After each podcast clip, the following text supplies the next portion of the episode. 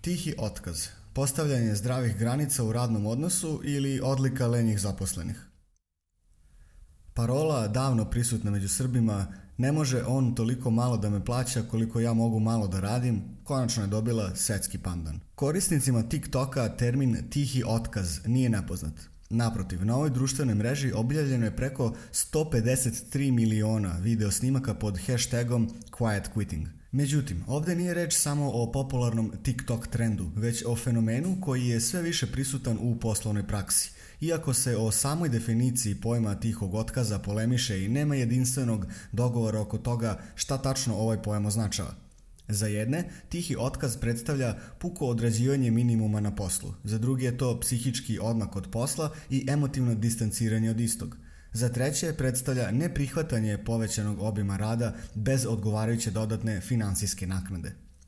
Smatra se da je tihi otkaz najviše rasprostranjen među generacijom Z, mada nije svojstven samo pomenutoj grupaciji – Milenijalci takođe vide tihi otkaz kao odgovor na godine prekovremenog rada u kompanijama koje su za posledicu imale epizode burnouta, usled nepostavljanja granica na poslu i dozvoljavanja da poslovni život gotovo u potpunosti zameni slobodno vreme. Tihi otkaz čini se, zbog toga ne možemo posmatrati kao karakteristiku jedne generacije, već fenomen na koji u velikoj meri utiče radno okruženje i priroda posla koju zaposleni obavljaju.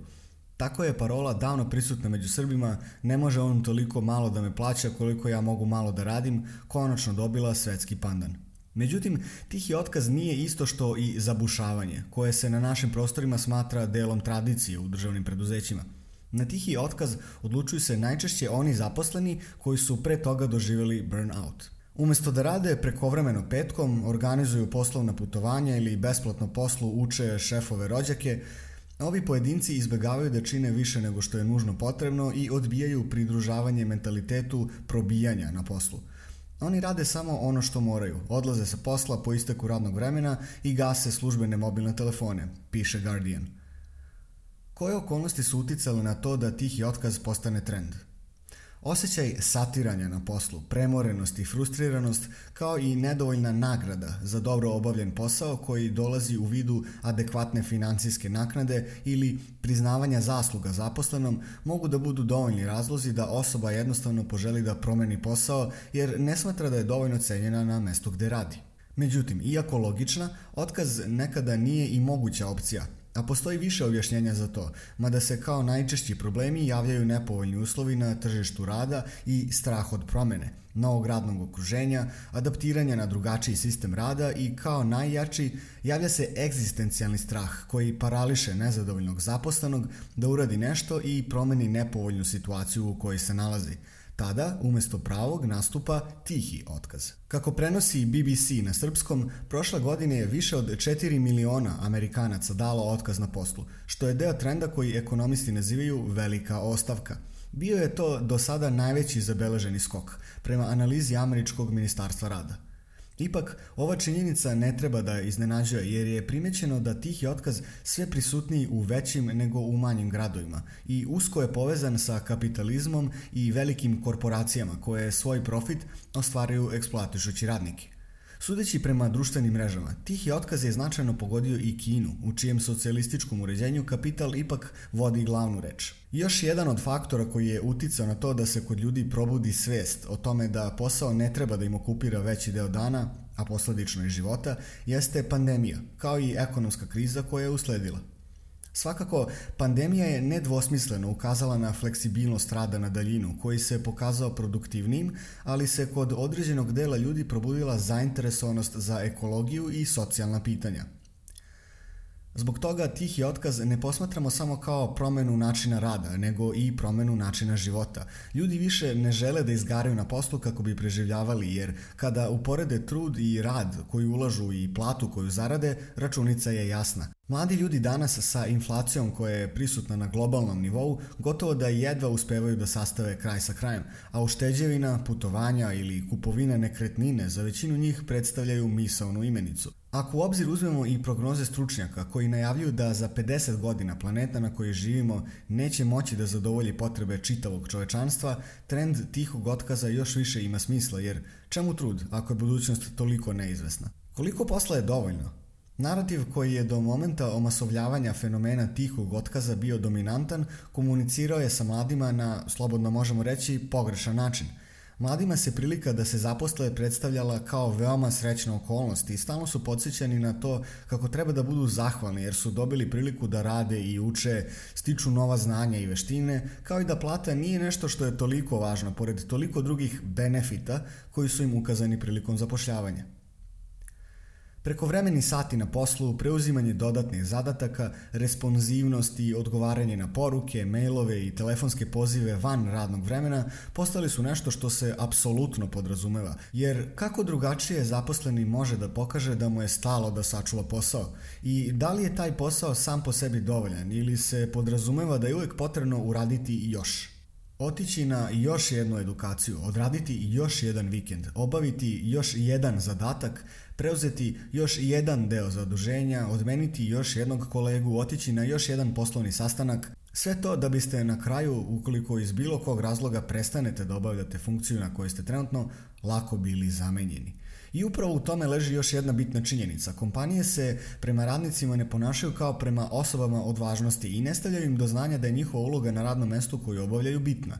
Jer već koliko sutra doći će neko novi ko će obavljati isti taj posao, pa zbog čega bi onda osoba određivala svoju vrednost prema stepenu uspeha na poslu, ukoliko nagrada za taj isti uspeh izostaje i ukoliko obavljanje tog istog posla ne čini da se ona osjeća kao da je to što radi nešto vredno. I ne, količina novca koju zaposleni dobija za posao koji obavlja nekada nije jedina nagrada. Vrlo često na nezadovoljstvo zaposlenog utiče i nedovoljno vremena za odmor, količina stresa kao i toksično radno okruženje. Izgleda da je tihi otkaz došao kao odgovor na hustle kulturu koja nas je učila da rad 24 kroz 7 dovodi do najboljih rezultata. Međutim, prekovremeni rad, pritisak na poslu i previsoka očekivanja ne dovode do obećanog uspeha i unapređenja, već do sagorevanja i premora, a da bi efikasno i kvalitetno obavljali svoje poslove, zaposlenima je potrebno i lično zadovoljstvo, a ne samo povećan broj radnih sati. Kvalitet rada ne treba da se meri količinom uloženog vremena, a vreme za predah i opuštanje neophodno je svima. Ipak, količina posla koju zaposleni može da obavlja, a da sebe ne dovede do burnouta je individualna. Zbog toga treba znati kada treba reći ne, postaviti granicu između poslovnog i privatnog života i znati koliko je posla zapravo dovoljno posla. Da li tihi otkaz ima i loše strane? Davanje tihog otkaza ima i svoje negativne elemente, do kojih dolazi ukoliko osoba koja se odlučila na ovaj korak zapravo nije dovoljno promislila da li je sve ono što tihi otkaz podrazumeva u potpunosti u skladu sa njenim profesionalnim karakteristikama i ličnim osobinama. Tihi otkaz vrlo lako može da dovede do nedostatka motivacije, stagniranja i manjka želje za timskim radom – Ova praksa takođe može biti uzrok sukoba među zaposlenima jer će neki od njih osjećati da drugi ne doprinose dovoljno.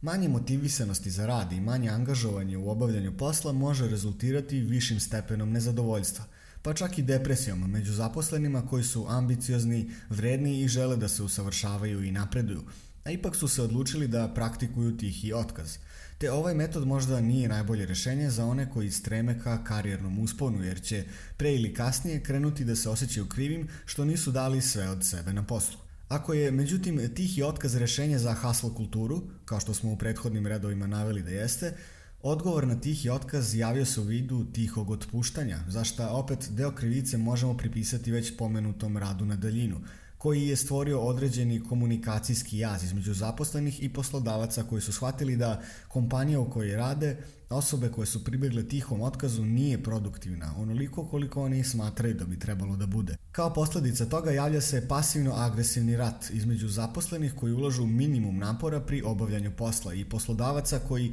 isključivanjem tih istih zaposlenih iz određenih aktivnosti žele da dovedu do toga da tihi otkaz preraste u konačan. To isključivanje ogleda se u izbegavanju razgovora sa zaposlenima i davanja povratnih informacija na učinkovitost njihovog rada, nedavanju krucijalnih informacija u vezi sa poslom i planiranim aktivnostima, preskakanju unapređenja i bonusa i dodatnom demotivisanju zaposlenog kako bi na posledku i sam konačno odustao od posla i upraznio mesto nekom drugom.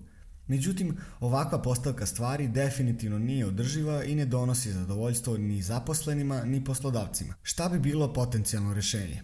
Umjesto da odgovornost po inerciji prebacimo isključivo na zaposlene, treba da se zapitamo šta kompanije konkretno rade kako bi unapredile položaj radnika i doprinele boljim uslovima za rad. Sonja Četković, direktorka grupacije sajtova za zapošljavanje i ljudski resurse poslovi Infostud, rekla je kako prenosi hrlab.rs na webinaru šta se događa na tržištu rada u regionu i Europskoj uniji istakla da danas kompanije treba da ulože znatno više truda kako bi ostale atraktivne kandidatima. Međutim, ono što kompanije često ne vide je koji su to problemi sa kojima se zaposleni susreću. Sonja je u tom kontekstu savjetovala da je potrebno stvoriti humanije uslove za rad i da treba mnogo više voditi računa o balansu života radnika. Današnji čovjek koji je svestan da postoji još mnogo opcija za zapošljavanje, više će težiti da nađe posao na kome će moći da uskladi privatan život i napredak u karijeri. Investiranjem u humanije radne uslove dobijamo zdraviju atmosferu među zaposlenima, ali i zdraviju zajednicu, podvukla je Sonja tom prilikom. Jednom kada kompanije shvate da njihov najvažniji resurs nije kapital, već su to ljudi, možemo se nadati boljitku. Iz ove perspektive, međutim, zadovoljan radnik deluje kao daleka i nedostižna utopija. Barem za sada. Autorka teksta Snežana Katunac. Tekst čitao Ivan Radisavljević. Tekst je dostupan na sajtu Oblakodera u rubrici Lift. Tekst je podržan od strane European Endowment for Democracy.